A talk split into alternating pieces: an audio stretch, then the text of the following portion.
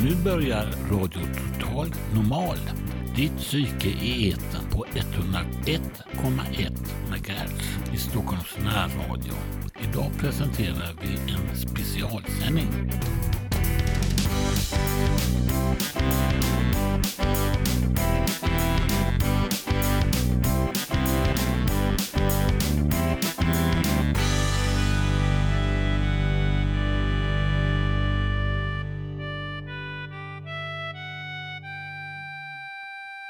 Idag så får vi höra två avsnitt av podcasten Måste våga podda om det, som ges ut av Fountain House Stockholm. Den går att hitta på Acast, iTunes och Soundcloud. Och där kan du också lyssna på alla Radio Total Normals poddar. Först ut får vi höra Ulla-Britt berätta sin historia. Och i den andra delen har turen kommit till Janne att göra detsamma. Ulla-Britt utsattes för sexuella övergrepp av sin bror när hon var liten. Detta kunde hon aldrig tala med någon om utan bar det som en ful hemlighet inom sig själv. I vuxen ålder har hon flera gånger hamnat i psykos. Den senaste psykosen ledde henne till England där hon blev kvar i två år, satte sprätt på ett miljonarv och slutade som uteliggare. Ulla-Britt tror helt klart att hennes psykoser till stor del handlar om att hon aldrig fick tala ut om det som hände henne i barndomen. Hej! Jag heter Ulla-Britt och ska berätta lite grann om mitt liv. Som började, som så för många, jättebra. Jättebra föräldrar och bodde i en fin, fin eller en bra, trevlig förort med skogen alldeles nära inpå. Eh, mycket lek och mycket skoj och hundar och mycket barn i trakten. Och det var verkligen en underbar barndom. Men det hände något i familjen och det hände saker på vägen som gjorde att jag ehm, i tidig ålder blev ganska deprimerad. För jag hade en bror som gjorde mig illa när jag var liten. Och så tänkte jag så här att om jag inte pratar om det här, jag står i ett hörn eh, till en vägkorsning och tänker, stannar och tänker på mig själv. Om du inte gör någonting åt det här och pratar om det här så kommer du att bli tokig. Så tänkte jag, jag var, jag var eh, kanske 13, 14 år. Och jag, ehm, eh, jag gick på ungdomsgård och jag idrottade mycket. Jag spelade fotboll och vi spelade massa olika idrotter på den ungdomsgården och vi hade väldigt trevligt på det sättet. Men jag blev livrädd för män, för pojkar. Eh, jag sprang ifrån dem när de ville träffa mig. Eh, jag kommer ihåg ett tillfälle jag skulle gå med honom på en buss. En kille jag träffat som jag skulle umgås med. Och jag, jag sprang därifrån. Helt, helt förtvivlad. Jag var jätterädd. Var jag. Och ja, jag studerade vidare och jobbade. Jag, jag, jag tog inte gymnasiet efter grundskolan utan jag började jobba direkt. Och ehm, eh, eh började tidigt jobba. Det var viktigt i min familj att jobba. Det var vad pappa tyckte var viktigast.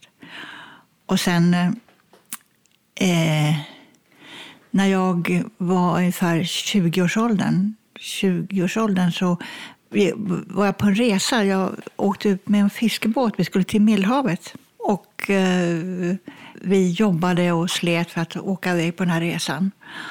Och den blev inte så lyckad för att eh, det blev osams ombord på båten. Vi kom till England och bodde där ett tag. Och sen kom jag tillbaka och då blev jag sjuk när jag kom tillbaka. Eh, för jag, jag kunde inte, det här traumat som jag hade i mig som liten, för jag kunde inte hitta någon att prata med. För att eh, det är så känsligt. Och om man eh, om jag försökte prata med någon så kan de inte ta vad jag säger. Och det, det, är konstigt för att jag har vänt mig i mitt liv till psykologer och de kan reagera likadant. De kan gå ut i rummet när jag börjar berätta. Och där är, det här är alltså inte något våldsamt, det är inte något eh, extraordinärt, men det kanske är min känsla de blir rädd för. Jag vet inte, för det är ett, ett otroligt trauma.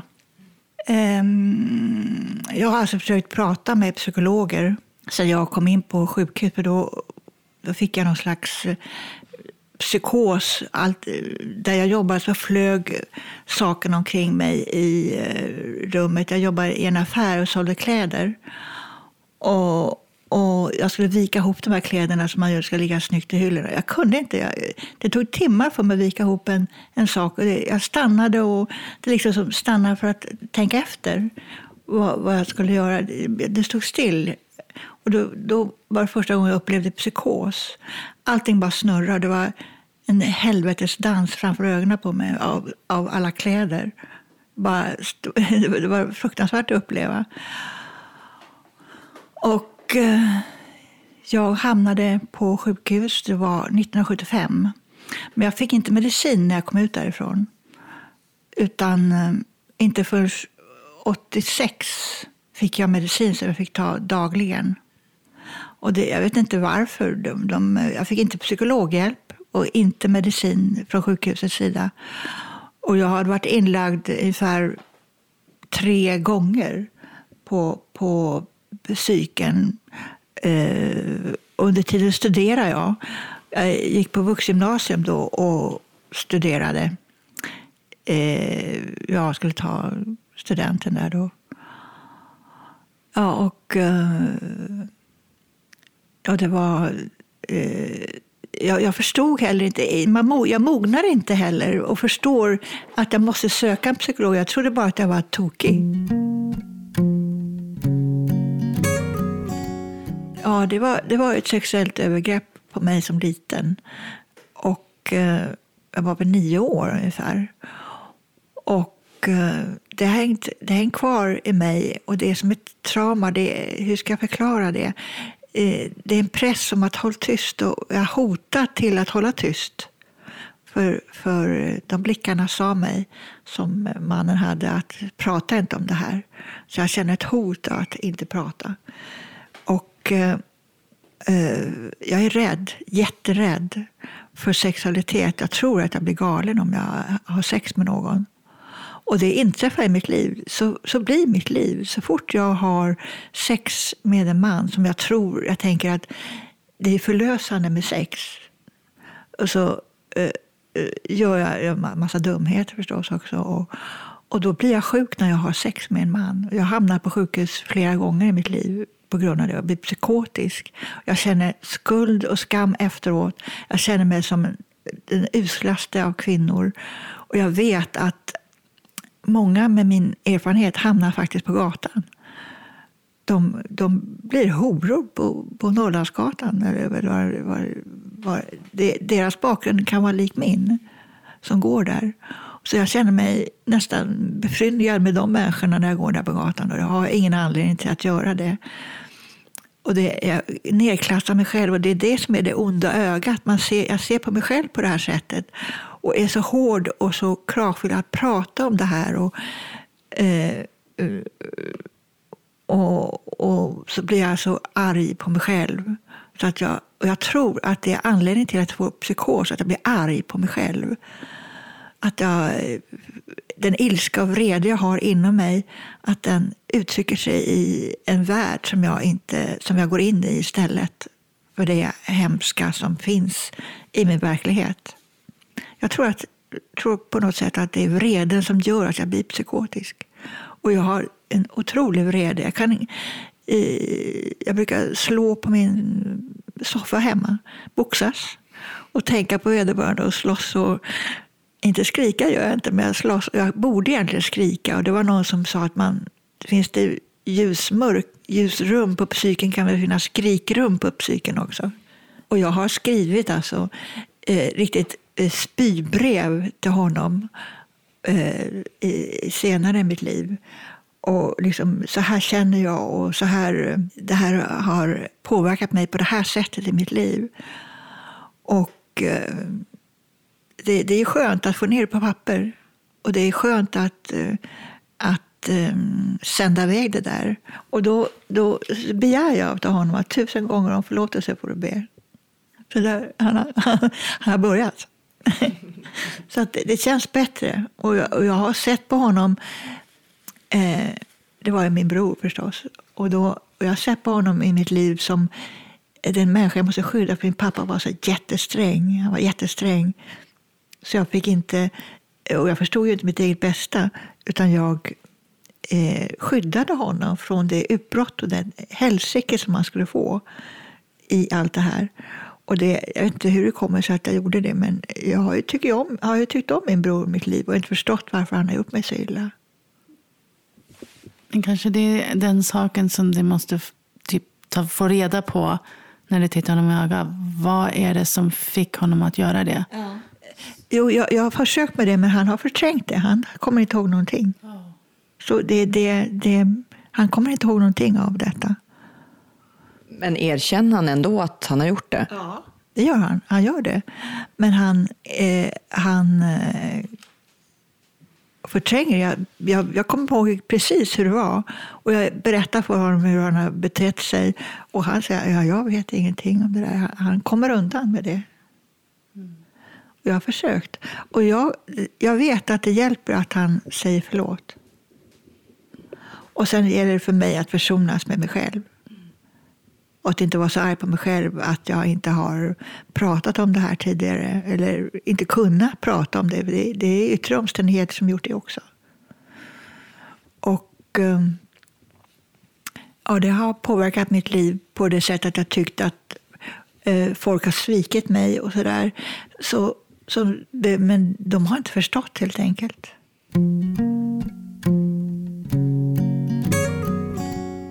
Det var så att min far dog och han blev ju 95 år, så det...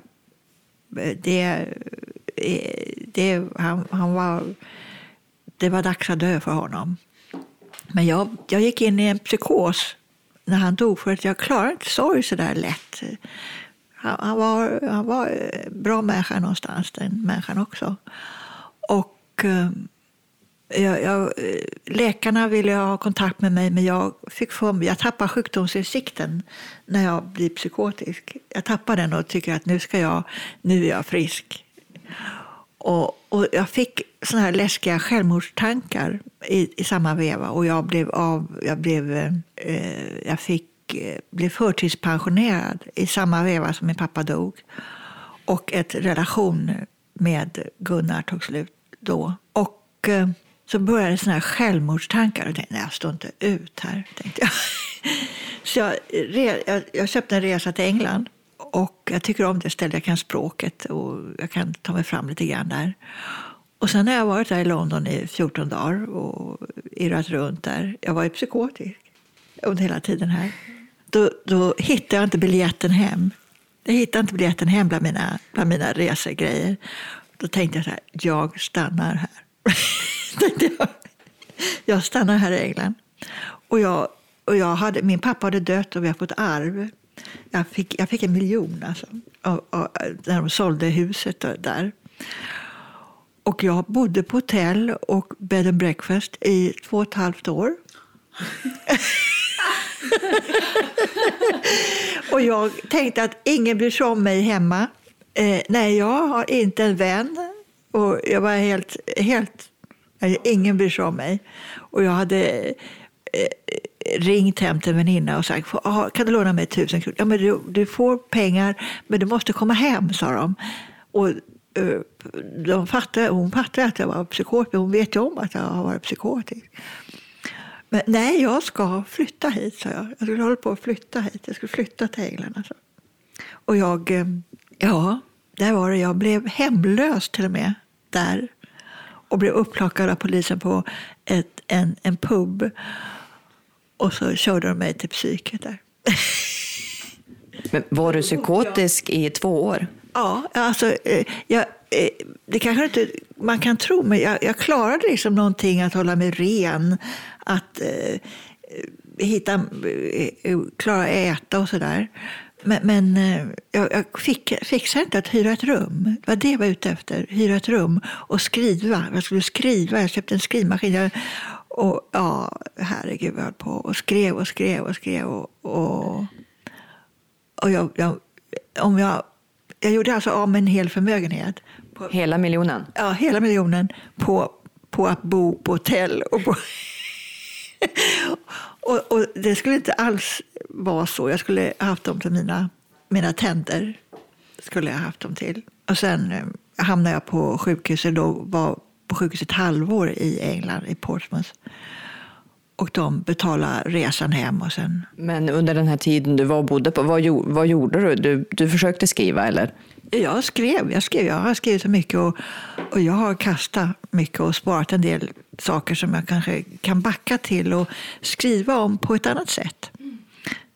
För att det är som en psykotisk eh, dröm som jag, hi- hittar, som jag analyserar.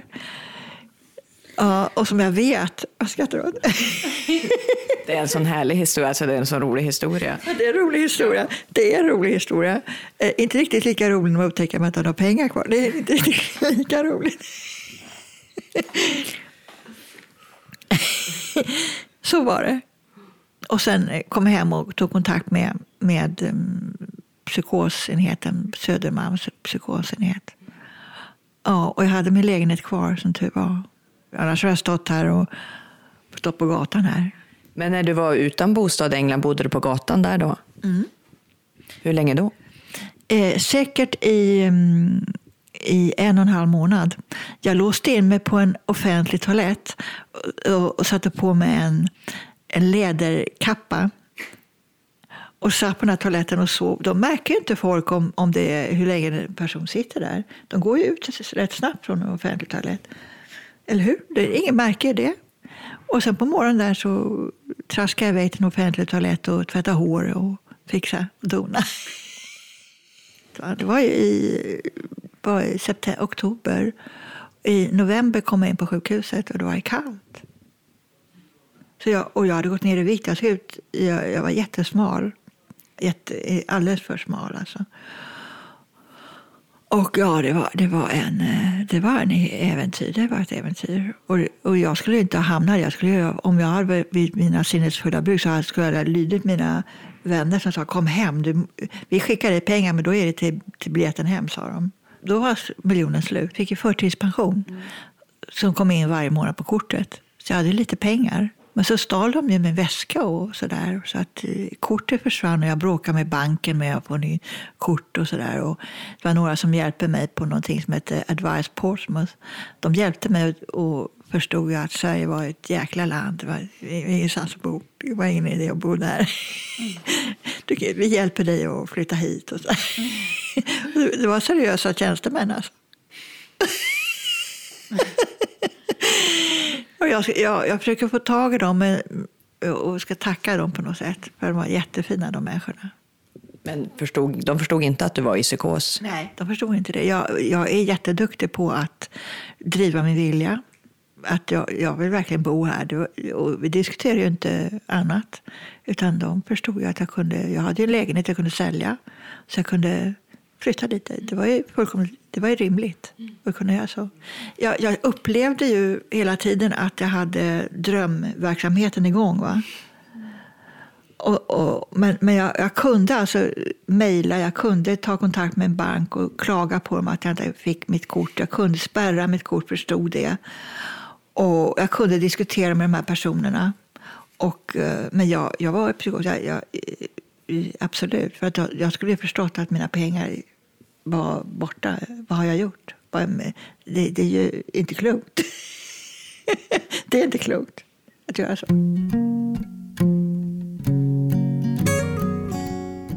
Jag, jag vågade inte umgås med dem på gatan. Det var ju rena, det, var rena, det, det gjorde jag absolut inte. Jag satt inte och tiggde och jag satt inte och umgicks med folk. Jag, jag ballade inte ur, utan jag gick för mig själv. Det gjorde jag faktiskt. Det gick ju inte att umgås med mig. Jag kunde, och jag hade ju inte... Eh, det gick ju inte. Jag hade ju... Eh, jag ville ju hyra ett rum. Det gick ju inte. Sådana saker funkar ju inte. Och jag gick för mig själv i två år. Coolt ändå. Ja, kanske det. Kanske man kan säga. Kanske man kan säga. Hur kom du ur psykosen? Och ehm, vad hände då när du fick de där känslorna att oj, vad har hänt? Och allt det där. Ja, det är det som är... Det, det, då får jag medicin. Och jag tackar Gustafsson som fick Nobelpris för att han eh, hittade den här dopamintabletten som gör att receptorerna fungerar i hjärnan. Så att jag, jag börjar där att rätta till mina tankar. Det är inte så att, eh, att jag har kontakt med Eh, drottning Silvia. Det är inte så. Förstår du? Utan, det, det är alltså inte så att jag har inte den kontakten, lilla du. Så det, jag känner inte henne, men det, hon symboliserar en annan sak. Det, det är sådana dröm, drömmar. Det kan, det kan ju vem som helst ha en dröm, men eh, när det sker i det vakna livet så, så är det psykos. Jag, jag eh, skulle konkurrera ut henne. jag, jag, var helt, jag var fullkomligt rätt för kungen. Så att det, det, det, och kan man skratta åt det sen när man förstår att, att, man, att det är fel för att det var, det var så invecklat. Jag har, jag har historia jag kan berätta om, om hur den här psykoserna fungerar för mig. Och, och, och jag, jag, är faktiskt eh, riktigt sjuk. Alltså. Men klarar det alldagligt att tvätta mig och hålla mig till synes? För det fattar jag att folk ser om jag är ute och cyklar där. I, i min släkt så finns det alltså något som, som eh, att min farmor hade kontakt med gamla kungen och hjälpte honom telepatiskt under kriget. Och jag trodde alltså att på telepatisk väg kunde man hjälpa varandra under kriget. Där man, alla krafter togs till för att man skulle skydda sitt land och sitt folk. och så där. Och där, där höll jag på. Och där var jag klart inblandad.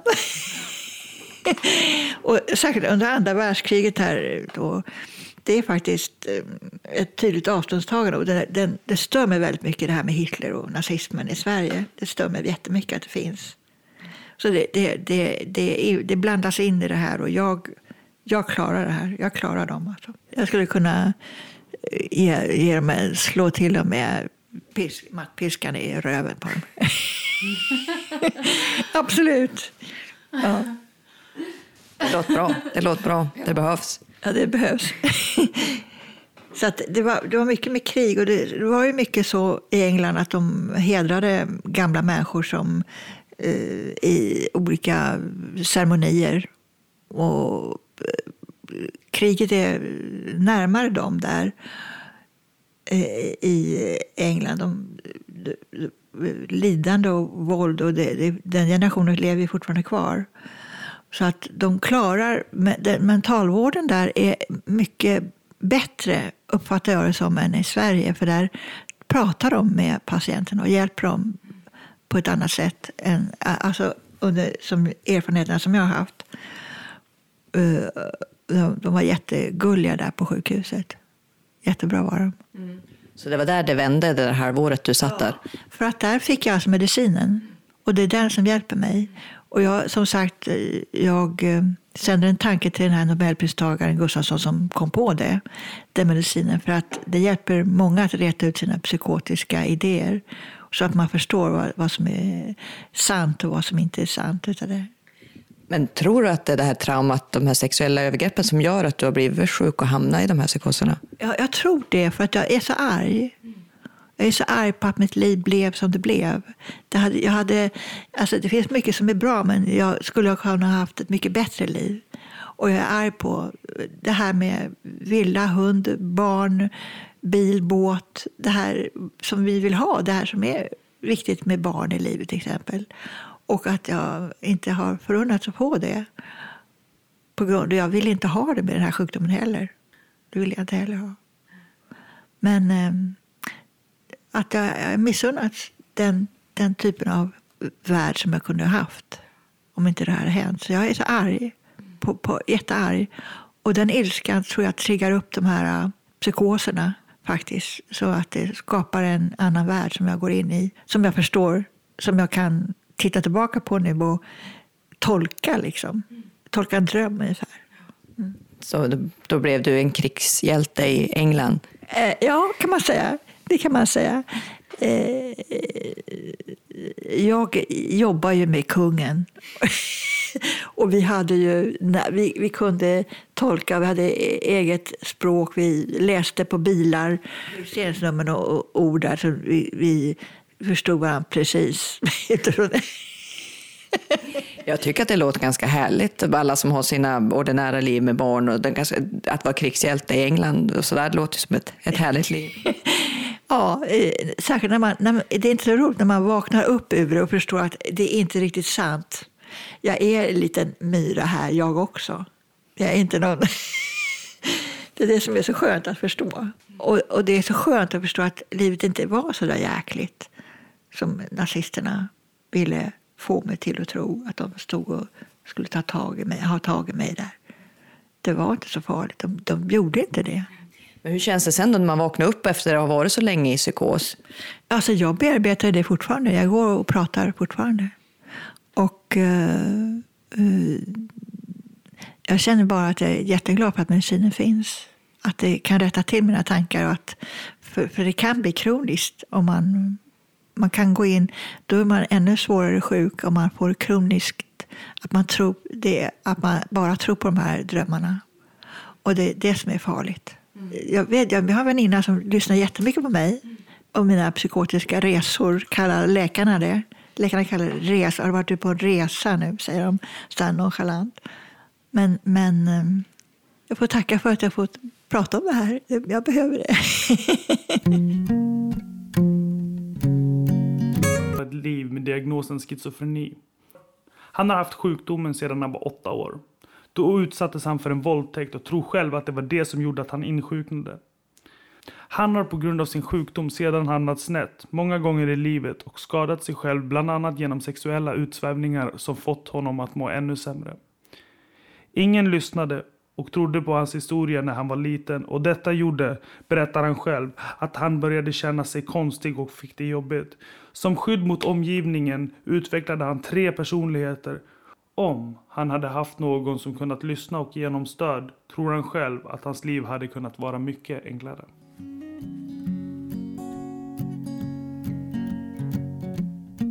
Ja, hej. Jag heter Janne. Jag har jobbat på Fountain House Stockholm sedan 1993 tror jag det var. Och det var tre år efter att min mamma gick bort i förtid. Hon blev, hon blev, inte, mer, än hon blev inte ens 65 år. Och jag ska berätta lite grann om mig själv utan att eh, eh, vara långsint eller någonting eller bitter eller ja, allt sånt där. Då. Alltså jag föddes ju då 1950 mina första levnadsår bodde jag hos pappa och mamma, då min, min stora syster och eh, mina småsyskon då i, i, på, eh, i Årsta. Då. Och sen byggde pappa villa i Bagarmossen. För att vi, vi blev fyra barn sen då, 1954. Och det var en tvårumslägenhet som de hade i Årsta som de hade fått låna 2000 kronor av en rik släkting. Och det var ganska mycket pengar i dagens penningvärde. Och då byggde pappa villa där i Bagarmossen. Jag hade en ganska bra eh, tid före, klock, före, före 7-8 års åldern. Det var så att mina föräldrar var tvungna att arbeta eh, alla dagar och nästan alla årstider. Då. De var restaurangmänniskor. Då, då. Och då var vi i Tylösand på somrarna. Jag var där 57, 58, 59, 60 någonting tror jag det var. Och då hade jag en lekkamrat som jag tyckte väldigt mycket om. Och och vi lekte och sådär. Vi, vi bodde i hus, sådana här Eh, eh, Pappa och mamma jobbade på Tyrehus, Då, då. Det var en restaurang. Då, då. Och eh, hotell också fanns det väl. Och sen var det då, bodde vi lite längre ner där så man fick gå därifrån genom en skog, en tät skog som liksom var en sorts, det var som liksom ett djungel nästan. Det var tallrar som var vindpinade. Det var fascinerande. Det var Tyllehus, och då åt vi frukost där uppe. Då. Då hade den lekkamratens pappa då kom i kontakt med mig på något sätt. Och då, då var det så att han var ju homosexuell, sa hans eh, läkarkamraten Sa så här, min mamma ska, ska skiljas från honom för vår pappa han är homosexuell. Jag visste inte vad det var för någonting när jag var barn. Va? Och Då var jag där uppe och en gång så bjöd han mig på glass i en glasskål. Jag var ensam med honom i ett rum. Och då satt han sig där och slickade som sin mun. Då, och så Sen hände någonting, alltså svartnade för ögonen. Sen vet jag inte vad han gjorde med mig sen, men jag fick en tydligen liten glasbit från den där glasskålen fick jag i munnen då. Så att en åder in i munnen gick av då, så att jag började blöda. Då, för jag tvungen att sy den där. Eh, pappa och mamma körde, vi åkte till lasarett i Halmstad så blev jag sydd där.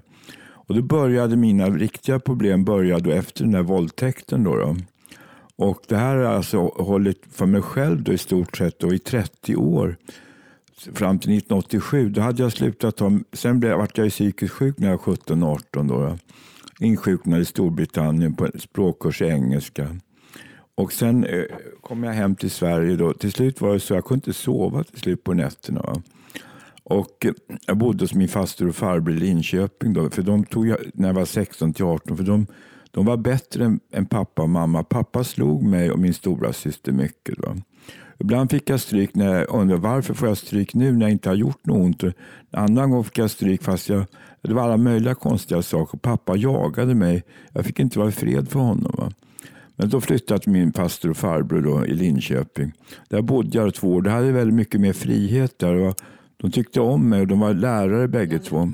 Ja, det är så här också då att, att där nere vart jag sjuk och hamnade på sjukhus. Då, det var i sista momangen då. Och jag har haft jättejobbigt i mitt liv på grund av det här som har hänt mig. Va? Och då när jag blev sen i 20-årsåldern då, då fick jag liksom en sorts åt, min sjukdom var ju det här som hände mig sen. Då, det här, att jag faktiskt själv började bli bisexuell när jag var 18, 19, 20 ungefär. Och jag har alltså haft homosexuella kontakter. Då, då. Men även att jag är heterosexuell. Då, då. Och Det var ett väldigt problem för mig, för det fick man inte prata om när man var barn. Man fick inte fråga. Frågade man någonting, slå upp i Nordisk familjebok. Aldrig klarspråk. Va? Men sen då, jag har i alla fall klarat mig ganska bra. Jag har gått ut tekniskt gymnasium, fyraårigt tekniskt gymnasium. Jag har både arbetat och studerat om, i omgångar på 70, 80, 90, 2000, 2010-tal. Jag har gjort precis allt jag har kunnat. Men som sagt var, ingen är så stark så att man, att man, man klarar inte av hur mycket som helst. Och jag har fått, nej men det, det är så att jag fick den där böjelsen då till pojkar och män och så här. Men jag har aldrig varit pedofil och det kommer jag aldrig kunna bli. Så att eh, det, det, har jag, det har jag fått lida för väldigt mycket och länge. Då, allt det här. Och det gjorde då att jag fick någon form av kluvenhet. Då, då. Det var kluven då. Eh, hela mitt liv i stort har jag varit kluven då. Så schizofren då. då. Och jag kunde inte vara med mina kompisar. Jag, jag, tror det är så långt efteråt när jag ser det på avstånd så här. Så är det då att de, de tyckte att jag var lite konstig då när jag blev lite konstig själv efter den här våldtäkten. Då, då och som man gjorde mot mig, då, då, som inte borde få göra så. Va? Och då mobbade de mig väldigt mycket och kastade stenar på mig på skolgården. Då förstod jag inte varför de gjorde det. Va? Men jag var så fula ankungen då i skolan. Men jag var väldigt stark mentalt så jag kunde försvara mig då. då. Men, och jag, jag var väldigt duktig i skolan. Jag fick högsta betyg. Jag fick 4,69 i 9G. Va? Men det var många andra som jag tyckte väldigt mycket om i klassen. Då, då så att, jag har alltid haft någon som har tyckt om mig och jag tyckte om andra också. Så det har jag klarat mig länge på. Va? Och eh, jag förlorade min tro på Gud när allt det här hände. Då. Så, sen 1975, det var, alltså, var först 1968 till 1970 var jag på Långbro på ungdomskliniken. Sen 1975 insjuknade jag igen. Då, då. Och då hade jag varit ute och rest och gjort, haft massa sex och sånt där. Sexresor i stort sett. Va? Sökt homosexuella kontakter och sånt där. Och sen eh, kom jag underfund med 1987, nej, Jan, eh, nej Janne, det här är inte riktigt bra. Det här är något fel på mig. Va? Och jag kan bara säga som det är för mig. Då, så att det här är helt personligt. Jag säger ingenting om några andra människor, vad de har för erfarenhet av bisexualitet. Det här, men jag pratar bara om mig själv nu. Det gäller inte andra. Det är inte fel att vara homosexuell, eller bisexuell, eller trans eller queer. Men det här var alltså min sjukdom. Det var min sjukdom det här. Vi hade en läkare som sa så här, jag sa till honom så här, jag tittar sexuellt på pojkar. Då sa han bara så här, ja, det är inget problem, titta lite grann på flickor också. Men jag har den där läggningen fortfarande. Men jag ska försöka tänka så jag försöker arbeta bort det. För det, alltså, det var min sjukdom. Det var min sjukdom. Jag säger ingenting om andra. Det är inte fel med någon. Men när det är mig själv så var det min sjukdom. Alltså, det här måste folk respektera. För Jag vill inte leva på det här sättet. Jag vill inte leva som kluven. Va? Jag hade tre jag. Ett jag i skolan, ett jag när jag gjorde läxorna hemma i och sen tre jag när jag gick i skogen för ensam.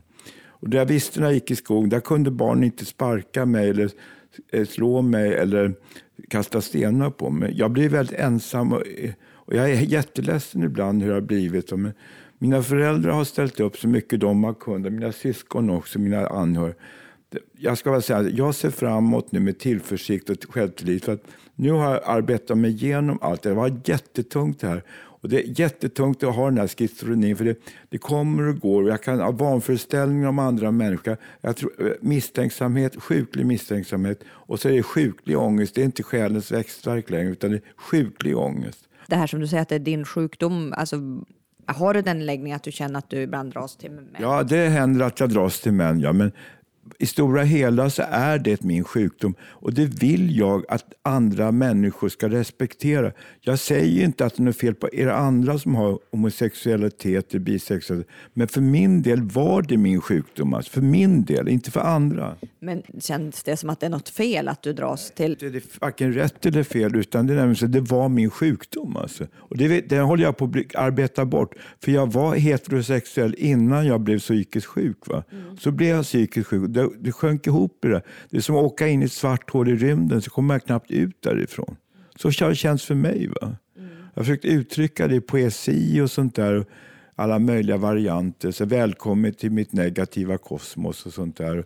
Det var min sjukdom. Alltså, jag menar, jag säger, andra får göra vad ni vill, men för min del, kan ni förstå det? Alltså, det var min sjukdom. Men det är inte, ni är inte sjuka, ni som är homo, bisexuella, transpersoner, HTQ eller vad heter. Utan för min del var det min sjukdom. Den där sidan kommer jag inte acceptera mer. Det, det, det, har förstört så mycket för mig, allt det där. Och jag hade en lärare som sa så att homosexualitet är stickspår alltså, för min del. Jag vet inte varför, men alltså, alltså, det verkar som att samhället skulle vara, vara mer eh, avancerat på något vis, bara för att man liksom accepterar, men okej, det är väl bra att det går i rätt riktning då, då, för att människor måste ju få vara som de är. Va? Det är inget fel på det. Jag tycker många länder de är knäppa i huvudet. Alltså, de får, katoliker till exempel, de får, inte ha, de får inte ha preventivmedel och inte göra abort. Vad ska folk göra då? då? Och det jag, jag tycker gräsligt när man förföljer folk på grund av sexuell läggning eller, eller ras, och hudfärg och språkområde och allting. Jag, jag accepterar andra, men det här får ni lov att acceptera när det gäller mig. Va? För det här är mitt liv. Jag har ett liv, inte två, tre. Jag har ett liv. Det här är mitt liv. Jag tänker inte låta någon ta, ta ifrån mig det. Förstår. Men jag tänker bli fri från min kluvenhet. Alltså. Tänker jag bli. Och sen får det vara om jag är bisexuell fortfarande, så, vilket kan hända ibland. Va? Men jag vill inte, tar aldrig aktivt någon homosexuell kontakt längre. Va?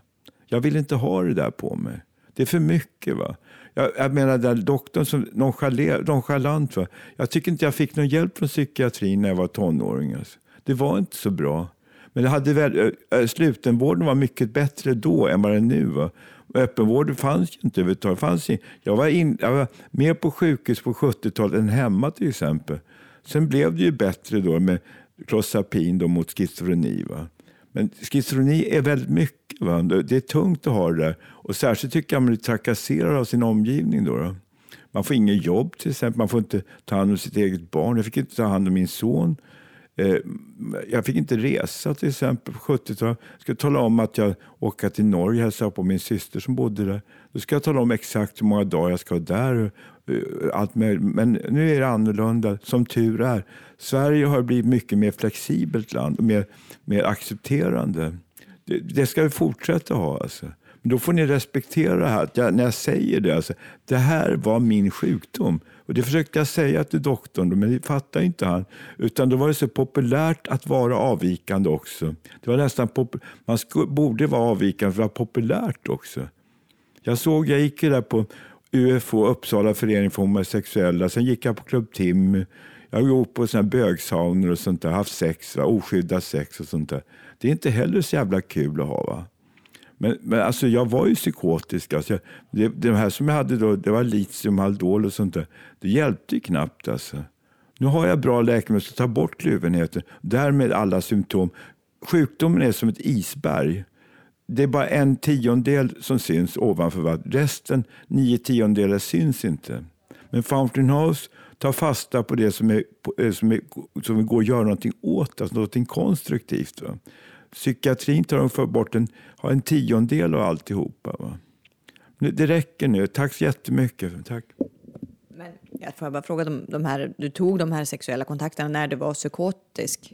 Ja, det måste ha varit mycket psykotiskt. Och det medicin jag åt och det hjälpte inte helt och hållet mot psykos. Ibland var det så när jag gick på universitetet och läste kemi då, på kemistlinjen 1977. Då glömde jag ibland ta medicin mitt på dagen. Då blev det fel värden då på litium. Va? Men jag har inte manisk depressiv sjukdom, schizofreni har jag. Och Det är jobbig sjukdom. Jag tycker ibland sitter hemma och tittar på tv så tycker han sitter och pratar om mig hela tiden. Va? Att jag såg en hallucination där hemma. Jag såg mig själv på tv i min egen stol, sittandes i den stolen. Ser jag mig själv och så gick jag ut såg jag även badrummet. Då hade jag fått en hallucination. Då. Men det, det håller jag på att arbeta bort som sagt. Men jag tänkte bara fråga, där på Långbro, hur var det där? Ja, det var väldigt fin personal på ungdomskliniken. De, var inte, de kladdade inte på patienterna. Och sen tyckte inte jag fick någon hjälp därifrån på riktigt. Va? För det var ju, men det var den tidens psykiatri. Det är jättelänge sedan. Och det har jag förlåtit också. för att Clozapin fanns ju, men då var det folk som avled av det. Man visste inte om det med provtagningar och sånt där. Va? Men nu har det bra och jag är nöjd med det jag har. Jag har egen lägenhet och jag, jag, jag har pension och eh, jag har det bra hemma vid och så, så att det är bra allting. Materiellt sett är allting toppen. Och det är mycket bättre nu i samhället för psykiskt sjuka. Du, så, du berättade för mig förut en gång att du trivdes bra på Långbro, att man kunde, det fanns mycket att göra. Kan du berätta lite hur vardagen var där? Vardagen var ju så här, man sov ju, man hade ju ofta fyrbäddsrum och så där salar. Då. Sen blir man ju väckt, morgon gick man upp då, då, så hade man ju då väldigt fin mat på Långbro. Det var ju mycket fin mat och frukost. Det var ju gröt och filmjölk och, och flingor och smörgås och kaffe och te och eh, katrinplommon. Allting fanns ju där och så var det väldigt, väldigt mycket mer påkostad vård. Va? Maten var perfekt för den var ju, såg, centralköket låg ju där mitt, mitt emot fyrans avdelning där jag var inlagd. Då. Och de läkarna räddade ju livet på mig där. Alltså jag var jättepsykotisk när jag kom från DDR. Då. Jag varit, Och det hade jag sex då, i Rostock med en kille. Jag sög kuk och så här på honom. Och så här. Och skäm, så, alltså jag skämdes ju mycket. Va? Så efteråt skämdes man. Vad vi gjorde det här för nu? Och eh, så där var det mycket sånt. Va? Och sen 1975 var jag då eh, sommaren där och så hösten. Då. Och då var jag väldigt sjuk. Alltså jag trodde det var tredje världskriget på gång och, och att de sköt mig och att var, eh, eh, någon, Sverige var ockuperat av Tyskland och sånt där. Men det var ju inte sant. Alltså. Det var inte sant. Och jag hade såna konstiga förföljelser och sådär. Konstiga tankar, paranoia och sånt där. Jätteläskigt. Men jag hade eget rum där som tur var. Men då låste de in mig på natten där och låg ofta i bälte. Då. Det var inte så roligt. Va? Ibland kissade jag på mig när kom med på golvet. Då, då. De, de hörde ju, det var ganska jobbigt, det hördes inte, man ropade då. då.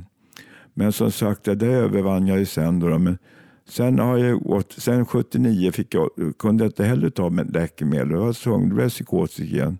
Sen var det 1900 Eh, vänta nu, 83 vart jag psykotisk en gång, 88. Så jag, nej, en, två, tre. nej, 88 var mera, då fick jag en riktig psykos igen. Då var jag på Huddinge sjukhus på M68 där, då trodde jag också kameror och avlyssning, eh, de, avlyssning då, de här lamporna var kameror och det var direktsändning där. Hej Amerika, så jag trodde gjorde filmer om oss och, och så kunde man vinka till Amerika. Så satelliterna såg allt. Så där höll det på. Alltså. Men jag tror inte på, jag tror inte på demoner och sånt där. Och andeväsen och änglar och, och jävlar, ursäkta sig, och med alla sådana alltså, jag är vet, naturvetenskapsman, jag är kemiingenjör och eh, språk och matematiker, språkkunnig och matematiker. Jag tror inte på sådana övernaturligt och spöken och Vita frun och allt vad det heter. Va? Jag tror inte ett dugg på det. Jag vet att det inte finns. Folk kan tro allt möjligt och fantisera och få prata strunt. Det leder ju ingen vart. Det är bättre att hålla sig till verkligheten. Även om verkligheten är stentuff alltså, så föredrar jag verkligheten en egen sjuka värld. Alltså. Men jag vet, förut också när vi pratade så berättade du om skammen, att den nästan var kanske värst. Jag tycker skammen, ja det vet jag inte. Klart man skäms ju ibland, det är normalt att man gör. Men, men jag menar, bara för att det är populärt nu. Det var ju väldigt populärt att vara avvikande i början på 70-talet. Det ska ju så mycket, vi kallade det för psykoterapeutiskt samhälle och sånt där. Okej, det var ju bra för många. Det var ju bra att det fanns sjukhus då. Men nu finns det åt andra håll. Det finns nästan ingen vårdplats. Jag hörde nyligen av min kontaktperson Anders, då, psykosmottagningen. Han sa ju att det ska bli 150 nya eh, inliggande eh, inneliggande platser på psyket och på Huddinge. Och det behövs ju faktiskt. Men framförallt att öppenvården har blivit mycket bättre. Som tack, tack gode Gud. Tack, tack snälla politiker och landstinget då, för att ni har fixat det här. Men du berättade om skammen just för din sjukdom, alltså, schizof- alltså att, dina, alltså att det var att utan skammen kanske du hade varit friskare. Ja, skam och skam, det är klart man kan skämmas. Mamma sa ju så här, bodde hos pappa och mamma ett år. Det var ju hemskt att bo i Farsta, där, i fyrrumslägenhet med pappa och mamma. Det var, ja, det var så jobbigt. Alltså. Usch, kom hem till pappa och mamma en gång från kliniken där på permission. Då. Kände knappt igen mina föräldrar och sånt där. Det var jättejobbigt. Nu har allt det där avklingat. Va? Men det är, per definition blir det så att jag är tvungen att äta läkemedel resten av livet. Va? Men psykisk sjukdom är, det dör man inte av egentligen. Va? Men det är när folk börjar röka och dricka alkohol, knarka. Så jag, har aldrig, jag har inte varit missbruk. Jag, jag har missbrukat tobak kan man säga från 1968 till 76. Då. Men då var jag på Norrbyhemmet där jag träffade min flickvän Eva då, som som jag fick barn med sen. Hon trodde ju så att vi kan, jag inte bli, hon fick ju barn fast hon trodde hon inte kunde få barn. Då Thomas då. då. Och han har fått ett bra liv. Han är född 77. Då, då han har fått ett bra liv i alla fall. Han blev adopterad då, men för, det var så mycket fördomar mot oss då, psykiskt sjuka så man fick inte ta hand om sina barn. Va? Och fick aldrig förfrågan. Hade jag kunnat få hjälp utifrån då kanske jag kunnat klara det. Men nu blev det inte så. Det är som ett faktum. Alltså. Och sen har min son också fått ett barn. Elton, född 25 oktober 2014. Så det kan jag vara stolt över. Men Min pappa han accepterade inte mig varken när jag var frisk eller när jag var sjuk. Va? Så att, det spelar ingen roll vad jag sa och gjorde till dem. För att det var aldrig, blev inte accepterad av pappa. Men jag tänkte att jag behöver inte bli accepterad av andra människor. Jag kan faktiskt acceptera mig själv. Och jag kan förlåta mig själv också. Det, var länge, det gick ju inte förut. Va? Jag hade Sordinol och det där 1974, och, men jag klarade inte det. Jag ber om ursäkt för jag klarade inte det. Du säger att det blir bättre med tiden med sjukdomen. Är det något råd du kan ge till unga som har fått diagnosen schizofreni? Det bästa ni kan göra är att ni träffar en ordentlig psykiatriker som ni kan ha förtroende för. Gå inte till vilken psykiatriker som helst. Tycker ni att psykiatriker inte förstår er så gå därifrån. Ta någon annan psykiatriker. Det finns jättemånga bra. Så nej, men gå till en psykiatriker som, är, som, ni tror, som ni känner för att den här människan vill hjälpa mig. Och så berätta allt från inifrån och ut. Vända lite skrymsle. Berätta rakt av alltihopa ni har i era själar och, och, och, och lita på den doktorn. Så det finns jättebra mediciner nu som inte har så mycket biverkningar. Prata är en bra grej, att prata om sin... Att prata så mycket som möjligt med en psykiatriker som förstår vad du säger. För att, prata inte med vem som helst utan prata med en ordentlig psykiatriker. De kan mycket nu och de kunde mycket på 60-70-talen också. Faktiskt. Och jag har sett folk på Långbro och de har blivit jättefriska. Det var de som har mått jätte, jättedåligt. De är helt nya människor. Men nu framöver, har du några framtidsdrömmar och förhoppningar? Jag har en god vän som heter Albert som bor i Amsterdam som har bott hos mig. Då. Och han är inte homosexuell, bisexuell eller bög eller någonting. Och han ska komma och hälsa på mig då, eh, nu igen. Då. Eh, han var maj i år, två veckor, tre veckor då i... Vi har ingen sexuell kontakt han i alla fall, så att det är inte det. Och eh, han ska komma, han var i augusti tre veckor, sen ska han komma nu december, januari fyra veckor och bo hos mig. Vi har, jag, vi har två sovrum hemma, och så stort badrum och hall och sen kök. Man kan sitta två personer och äta. Så din förhoppning är att era vänskap ska fortsätta? Ja, det är en jätteordentlig människa som jag fått tag på på Sterling, konferensen i Storbritannien. Och 19, jag säger, 2000, 2014 var det vi var där. Kul att hitta en vän sådär, det, det är fint. Vi har ju mest vi skriver brev till varandra för vi tycker det är enklast. Jag är lite gammal av mig så att jag har jättesvårt med datorer och sånt där, mobiltelefoner. Det är liksom lite överkurs för mig. Va? Ja, men då är det något mer du vill tillägga? Jag ska bara säga eh, lycka till alla ni som har blivit psykiskt sjuka. Då, då. Och försök att se framåt. Det, det, ni kommer att bli bra. Ni kommer må bra om ni tar mediciner som läkaren säger, det här ska du äta, ta den här för att de kan mycket mer. Och, och sen ska ni inte anklaga er själva för någonting, för ni rår inte för någonting. Det, där, det blir så i världen, tillvaron att man, man råkar på sjukdomar och problem och allting. Va? Så att, ta allting med ro och se framåt med tillförlit och tillförsikt. Alltså. Jag ska läsa någon dikt en annan gång. Här. Jag har skrivit många dikter, skrev av mig mycket där på Långby. Jag hade en liten reseskrivmaskin som jag satt och skrev på. Sen var det en patient som var väldigt bra, för han, han gav mig en hel bibel. Då, så, en hel bibel fick jag av honom. Och då läste jag mycket i Bibeln där och Jobs bok, hur mycket jobb fick lida då, oförskyllt lidande. Det står mycket bra saker i Bibeln, kanske även i andra, många andra skrifter, också, Koranen kanske. Och, och tårarullarna, alltså alla religioner. Det finns ju alltid någonting bra i allting. Va? Någonting bra. Och till exempel när man är på avdelningen så brukar det vara för mig så att när jag kom in på kvällen där, då är det väldigt bra personal. Men dagen därpå är det jättedålig personal. Jag tyckte när det var sista gången jag var på sjukhus, psyket, då, då tyckte jag det var så skönt att läkaren gick ifrån avdelningen klockan fyra. Det var på eftermiddagen. Då slapp man dem. Ja, men de har gjort jättebra saker på psykiatrin, det måste jag säga. De har räddat liv på många här. Men lycka till alla ni som har psykisk ohälsa, om ni är unga eller medelålders eller gamla. Försök att tro på er själva och kämpa på. podda om det i Radio Total Normal. Tekniker var Gabriel Wikhede och Gustav Sondén. Producent Malin Jakobsson, produktionsassistent Benny Rodin och ansvarig utgivare Bodil Lundmark. Vi hörs nästa vecka.